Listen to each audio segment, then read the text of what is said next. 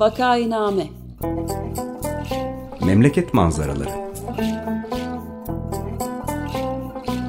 Hazırlayan ve sunanlar Güven Güzeldere, Ömer Madra ve Özlem Teke.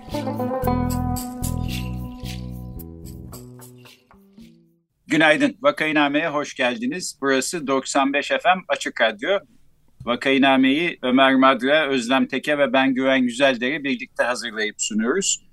Bugün Gezi davasından konuşacağız. Konuğumuz e, Gezi davasının avukatlarından hukukçu Deniz Özen. Hoş geldiniz Deniz Bey. Merhabalar, hoş bulduk. İyi Merhaba, yayınlar. hoş geldiniz. Merhabalar, konuğumuz Deniz Özen 2014 yılında İstanbul Bilgi Üniversitesi Hukuk Fakültesinden mezun oldu. Avukatlık stajını Gezi davası sanıklarından avukat Can Atalay'ın yanında gerçekleştirdi ve 2015 yılından bu yana serbest avukat olarak faaliyet yürütüyor. Ee, kendisi aynı zamanda Sosyal Haklar Derneği Yürütme Kurulu üyesi ve Sosyal Haklar Derneği faaliyeti kapsamında dernek üyesi meslektaşlarıyla birlikte Son Maden katliamı, Aladağ yurt yangını, Çorlu tren katliamı gibi sosyal cinayetlere ilişkin yargılamalarda yaralanan ve hayatını kaybeden yurttaşların ailelerinin avukatlığını sürdürüyor. Hoş geldiniz. Merhabalar, hoş bulduk. Şimdi hemen hatırlatalım. Gezi davası e, malum geçen senenin Nisan ayında yani 2022 Nisan'da karara bağlanmıştı.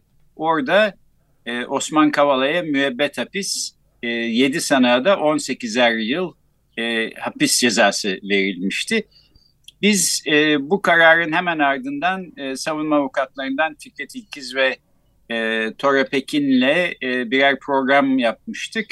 E, şimdi yeniden konuyu gündeme getirmemizin önemli bir nedeni var. Çünkü e, Gezi davası kararı Yargıtay'da görüşülüyor. E, yakında Yargıtay'dan bir karar çıkması bekleniyor. Karar nasıl çıkabilir, ne, ne şekilde çıkarsa bunun sonuçları ne olur? Biraz bunlardan da konuşmak istiyoruz. Deniz Özen, e, siz e, davayı takip ediyorsunuz yakından, e, neler olup bittiğini biliyorsunuz. Hukuki açıdan bakarsak e, şu anda durumu nasıl değerlendirirsiniz? Merhaba tekrar. Ee, ya aslında biraz daha geriden almak gerekir diye düşünüyorum. 25 Nisan 2022'de Gezi davası sanıkları e, tutuklandılar. Osman Kavala 2017 yılından bu yana zaten tutukluydu yargılamalar boyunca. Aslında biz sonradan öğrendik ki e, dosyayı gördüğümüzde anladık ki 2013 yılından itibaren başlayan e, Gezi direnişinin hemen sonrasında başlayan bir soruşturma dosyası vardı ve bu soruşturma dosyası aradan geçen yıllarda dallandı, budaklandı ve bugün Gezi davası dediğimiz şeye dönüştü. Ve e, Osman Kavala 2017 yılında tutuklandıktan sonra 25 ee, Nisan 2022 tarihinde diğer gezi davası sanıkları da tutuklanana kadar aslında çeşitli aşamalardan geçildi. Bu aşamalar nelerdi hatırlatmak isterim. Ee, birincisi 2013 yılında e, hemen Gezi'den sonra başlayan bir soruşturma daha vardı. Bu şu anki davanın devam ettiği ana soruşturmanın bir başka parçasıydı. Ve şu anda cezaevinde bulunan Mücella Yapıcı, Tayfun Kahraman gibi e, TMOP üyesi mimar ve şehir plancılarının da arasında olduğu e, çeşitli sanıklar o dönem yargılandılar ve beraat ettiler. E, ve bu beraat kararı e, Yargıtay'a dahi gitmeden kesinleşti. Aradan geçen zamanda aynı soruşturma dosyası normalde olmaz ama nasıl olduysa e, tekrar açıldı ve yürümeye devam etti ve aynı kişiler tekrar sanık olarak e, bu dosyada da yer aldılar. 2022 tutuklamasına gelmeden önce 2021 yılında e, bütün sanıklar Osman Kavala da dahil e, Gezi davasından beraat ettiler. Ve Osman Kavala açısından tahliye kararı verildi. Diğer bütün sanıklar açısından da beraat kararı verildi. Hatırlayacaksınız e, Osman Kavala'yı cezaevi çıkışında tekrar terörle mücadele polisleri başka bir soruşturma gerekçesiyle gözaltına almışlardı ve süreç yeniden başlamıştı. Şunu özellikle vurgulamak gerekir. E, o tarihe kadar yani 25 Nisan 2022 tarihine e, özür diliyorum 25 Nisan 2022'den önce beraat kararının istinaf tarafından bozulduğu 2021 yılına kadar bütün bu arkadaşlarımız hakkında yurt dışı çıkış yasağı dahi yoktu. Ve bu insanlar gerek işleri için gerek başka sebeplerle çeşitli dönemlerde yurt dışına çıktılar, geri döndüler ama bütün duruşmaları e, adım adım takip ettiler. Hiçbir duruşmada e, kaçmadılar, bir yere gitmediler. E, haklarında yurt dışı çıkış yasağı dahi olmamasına rağmen e, bütün duruşmaları ısrarla takip ettiler. Ve buna rağmen 25 Nisan 2022 yılında hükümle birlikte kaçma şüphesiyle tutuklanabildiler. Birinci e, akıl almaz iş budur diyebilirim.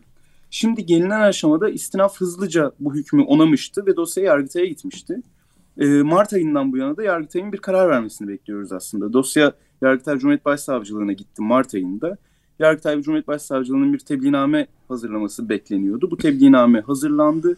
Geçtiğimiz aylarda e, Yargıtay 3. Ceza Dairesi önüne sunuldu ve şu an dosya 3. Ceza Dairesi'nin önünde e, inceleniyor ve e, hani tarih vermek tabii ki mümkün değil ama çok uzun olmayan bir vadede karar çıkacağını tahmin ediyoruz.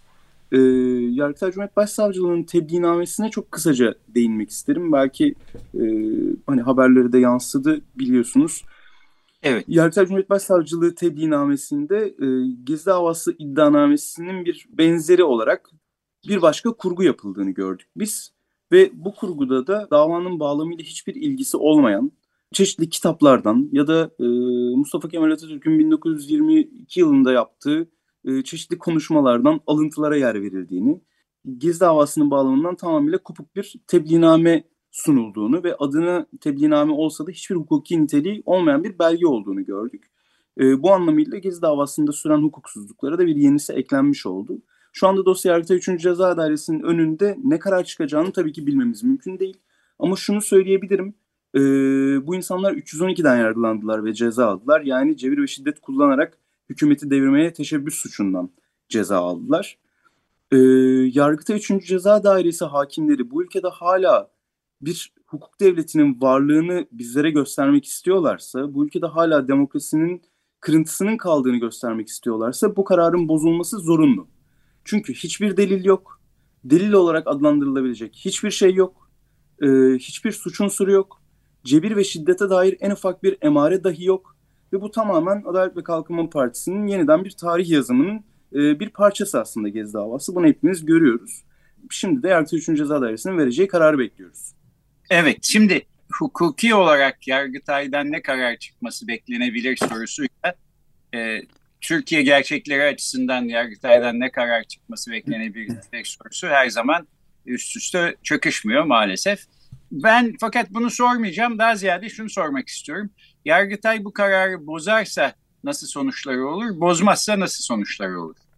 Yargıtay'ın bu kararı e, aslında nasıl bozacağına göre de bu sorunun cevabı değişir. E, e, yani birincisi bu dosyada çok fazla usulü eksiklik e, söz konusu oldu. Bütün bu yargılamalar boyunca. Yani bir tane çok çarpıcı bir örneği, ilk aklıma gelen örneği söyleyeyim. E, Gezi davasında kararı veren mahkeme heyeti üç kişiden oluşuyordu. Bu üç kişinin bir tanesi muhalefet şerhi yazmıştı. Yani Osman Kavala'nın tahliye edilmesi gerektiğini ve bütün sanıkların beraat etmesi gerektiğini, e, ceza vermek için yeterli delil olmadığını e, söylemişti ve bu yönde bir muhalefet şerhi yazmıştı. Dolayısıyla ikiye bir oy çokluğuyla verilmişti. Oy çokluğunda yer alan iki hakimden bir tanesinin Adalet ve Kalkınma Partisi'nden milletvekili aday adayı olduğunu biz yargılama sırasında öğrendik.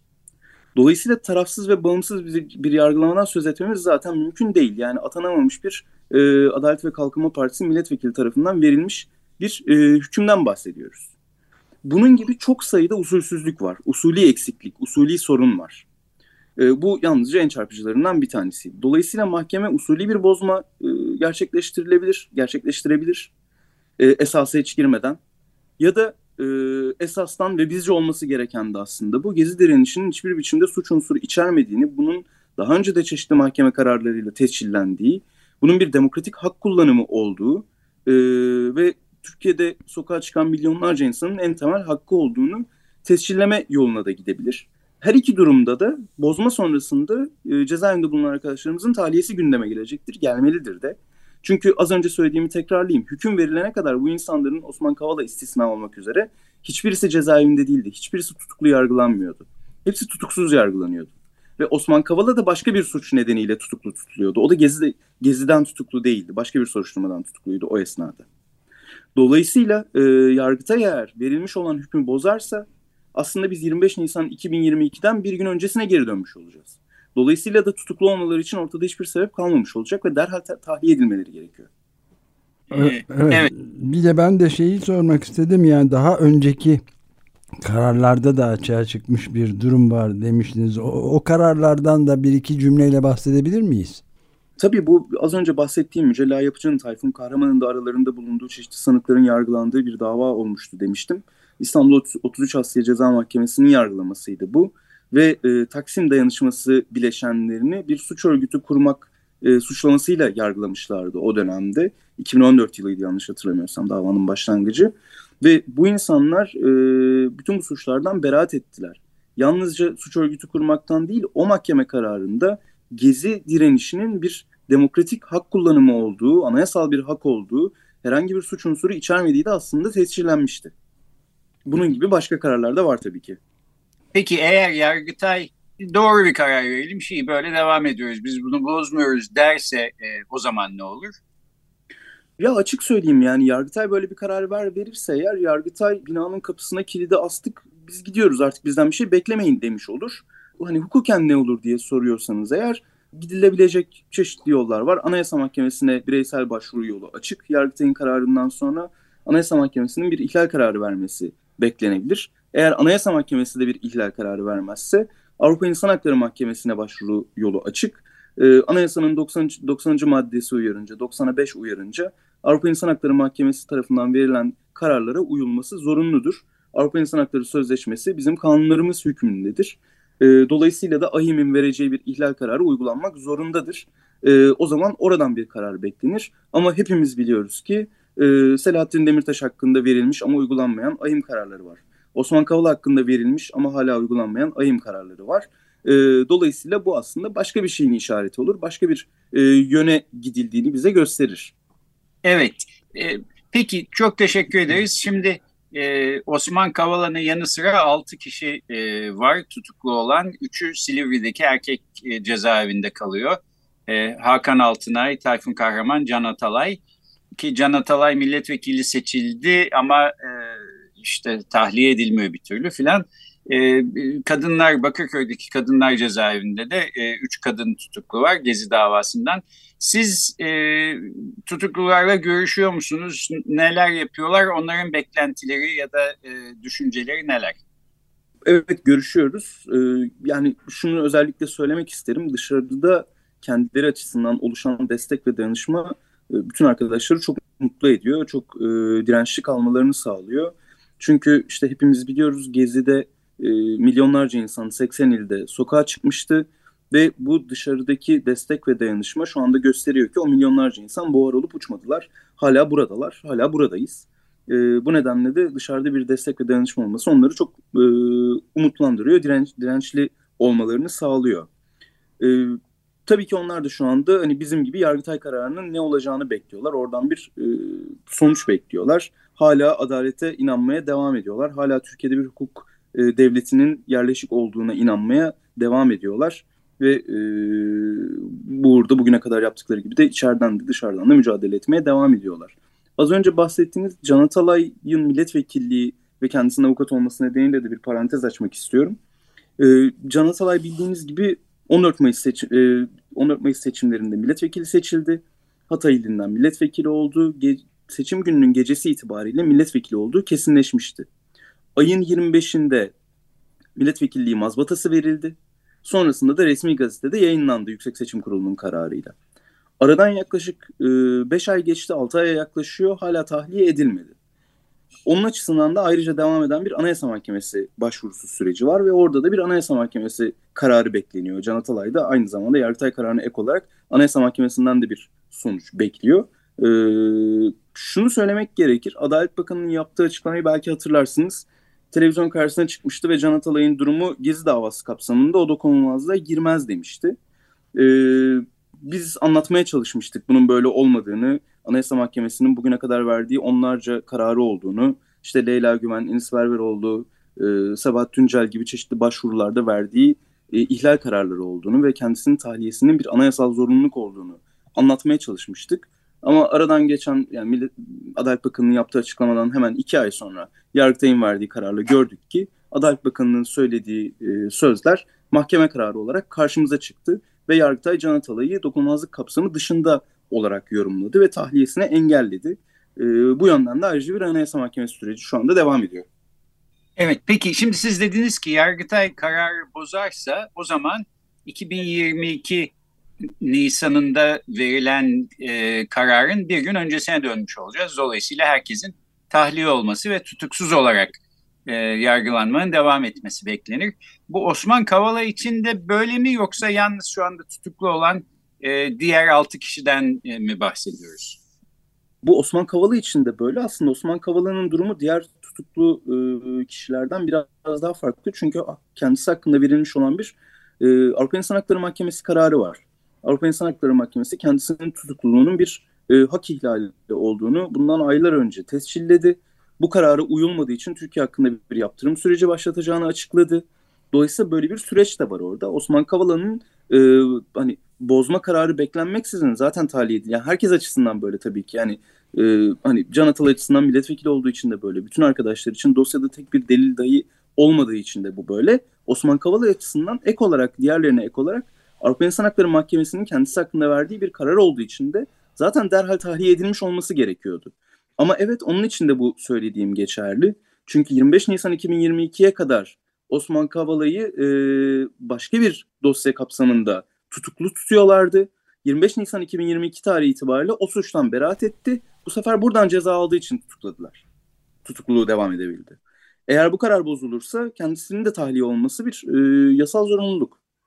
Evet biliyorsunuz birkaç gün önce e, Cumhurbaşkanı Erdoğan Amerika Birleşik Devletleri'ndeyken işte PBS denilen bir büyük e, medya e, şebekesine bir söyleşi verdi. Orada kendisiyle söyleşi yapan gazeteciye de kızdı hatta siz e, niye merak ediyorsunuz, karışıyorsunuz, bu isimleri gündeme getiriyorsunuz falan diye işte Osman Kavala'nın falan e, adı geçmişti. Dolayısıyla aslında işte her ne kadar e, Cumhurbaşkanı bağımsız Türk yargısı var onlar ne diyorsa biz de ona uyuyoruz falan diyorsa da aynı cümlenin içinde bir yandan da kendi hükümlerini ve yargılarını e, ifade etmekten geri durmuyor. Bu da biraz acayip bir durum ama e, işte Türkiye gerçeği dedim birkaç dakika önce herhalde e, bunun bir parçası diye düşünüyorum. E, peki Deniz Bey şimdi ya, siz... Tabii ki. Buyurun. E, yok şunu söyleyecektim yani bir yandan aynı televizyon programı ben de izledim o görüntüyü. Aynı e, yayında bir yandan Türkiye bir hukuk devletidir, bir kabile devleti değildir. Buranın mahkeme kararlarına herkes saygı duymak zorunda deyip e, bir yandan da o anda yargılaması devam eden ve hakkında kesinleşmiş bir hüküm bulunmayan kişiler hakkında terörist ya da işte e, çeşitli olayların finansmanı gibi ifadeler kullanmak aynı cümle içerisinde kullanıldığında tabii ki bir tuhaf oluyor. Yani bunu özellikle vurgulamak gerekir. Bu aynı şekilde e, Adalet Bakanı'nın Can Atılay açısından yaptığı açıklamada da bir yandan yargı süreci devam ediyor, Yargıtay karar verecek deyip bir yandan da e, bu kişi dokunulmazlık kapsamı dışındadır, tutukluluğunun devamı gerekir diyebiliyorlar. Onlar bunu diyebildikleri için de Yargıtay 3. Ceza Dairesi de e, hiç sanki Anayasa Mahkemesi'nin bugüne kadar verdiği onlarca karar yokmuş gibi e, bu kişi dokunulmazlık kapsamı dışındadır şeklinde karar verebiliyor. Ya da herhangi bir ilk derece mahkemesi ben Anayasa Mahkemesi kararını tanımam, ben Avrupa İnsan Hakları Mahkemesi kararını tanımam diyebiliyor, diyebilecek cesareti buluyor. Evet. Peki ben son olarak şunu soracaktım. Siz e, davayı hukuki detaylarıyla yakından takip ediyorsunuz. Aynı zamanda e, tutuklularla da görüşüyorsunuz. E, bize göre çok daha e, bilgi sahibisiniz.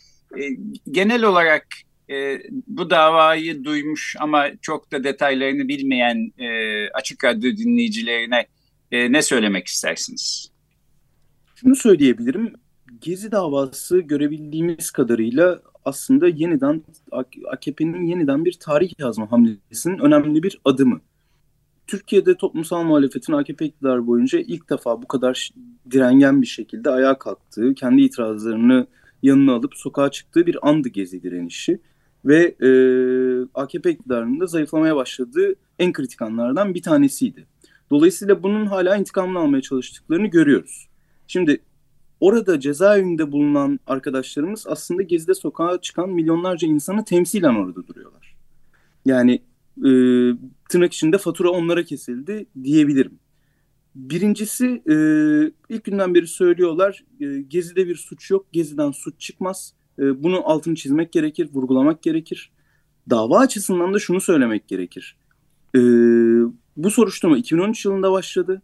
İlk defa 2017'de Osman Kavala'nın gözaltına alınması ve sonrasında tutuklanmasıyla gün yüzüne çıktı. Ve sonrasında dava süreci başladı. Ve biz aradan işte yaklaşık 10 yıl geçti. 10 yıllık süre boyunca şu anda cezaevinde bulunan bu dava kapsamında yargılanan kişilerle ilgili olarak tek bir suç unsuru önümüze konulamadı. Tek bir delil önümüze konulamadı. Adına delil dedikleri ama içeriğinde suç unsuru olmayan şeyler bile usulüne uygun şekilde dosyaya konulmamış şeylerdi. Vaktiyle sahte delil üretmekten e, yargılanmış, ceza almış Fethullahçı hakim ve savcıların e, dosyaya koyduğu delilleri biz yeniden kıymetlendirdik diyerek bir yargılama yaptılar. Ve e, bunun adına da tarafsız bağımsız yargılama diyebildiler. Şu, özetle şunu söyleyebilirim. Gezi'de suç yoktu. Gezi'den suç çıkarmaya çalıştılar. Başaramadılar. Bu kadar insanı cezaevine koydular. Buna rağmen başaramadılar. Ve önümüze suç unsuru olarak konulabilecek tek bir delil dahi koyamadılar. Bütün bu arkadaşlarımız açısından cezaevinde geçirdikleri her bir gün bir e, anayasal hak ihlali ve bu hala devam ediyor. Dolayısıyla Yargıtay'ın bir an önce bozma kararı vermesi gerekiyor. Anayasa Mahkemesi'nin bir an önce ihlal kararı vermesi gerekiyor devam eden başvurular açısından. Evet, biz de öyle bir sonuç e, çıkacağını umuyoruz. Ama her halükarda e, bu konuyu takip ederiz. Ömer Bey, Özlem Hanım sizin sormak istediğiniz bir şey var mı? Programın son dakikalarındayız. Evet, ben yani yakından uzun zamandan beri takip etmeye çalıştığım için bu davayı pek bir e, gayet e, etraflı bir şekilde oldu. Onun için pek bir soru sorma durumunda değilim ama belki Özlem bir şey soracak. Belki şunu sorabilirim ben de. Yeni bir anayasaya neden ihtiyaç duyuluyor? Sizin çizdiğiniz çerçevede de e, gerektiğinde artık e, olmayan kanıtların e, üretildiği bir e, sistemin içindeyiz. E, bununla ilgili görüşlerinizi merak ediyorum. Ya kısaca şöyle söyleyebilirim. Yani yeni anayasaya neden ihtiyaç duyulduğunun cevabı bende yok ama şunu söyleyebilirim. Türkiye uzun bir süredir anayasasız bir düzende yaşıyor. Yani hukukun araçsallaştırıldığı, e, her türlü yöne eğilip bükülebildiği, işlerine gelindiği gibi kullanılabildiği ya da işte Süleyman Soylu'nun tabiriyle siz yıkın mahkeme kararı arkadan gelir bakış açısıyla kullanılabildiği bir tür araçsallaştırma içerisinde e, biz anayasasız bir düzende yaşıyoruz. Dolayısıyla bir hukuk devleti garantisi olmadığı sürece, bir hukuka inanç olmadığı sürece yurttaşlarda yeni bir anayasa tartışmasını hani açmak bile bence anlamsız. Ama yeni anayasaya Adalet ve Kalkınma Partisi neden ihtiyaç duyuyor derseniz gerçekten bu sorunun cevabını bilmiyorum. Peki, çok teşekkür ederiz. Ee, ben son olarak e, bir teşekkürle programı bitirmek istiyorum. E, Deniz Özen'le bizi temasa geçiren, e, kendisi de bir hukukçu olan e, Deniz Altınay e, sağ olsun. O sayede e, Deniz Bey sizi konuk etmemiz mümkün oldu. E, Yargıtay'dan çıkacak kararı e, bekleyeceğiz. Ondan sonra da bir başka programda belki değerlendirmesini tekrar yaparız. Bugün e, hukukçu Deniz Özen ile e, Yargıtay'dan Yargıtay'da şu anda görüşülmekte olan Gezi davası kararı hakkında konuştuk. Çok teşekkür ediyoruz Deniz Bey. Ben teşekkür ederim. Çok teşekkürler Deniz Bey. Teşekkürler, hoşçakalın. Teşekkürler, hoşçakalın. Görüşmek üzere.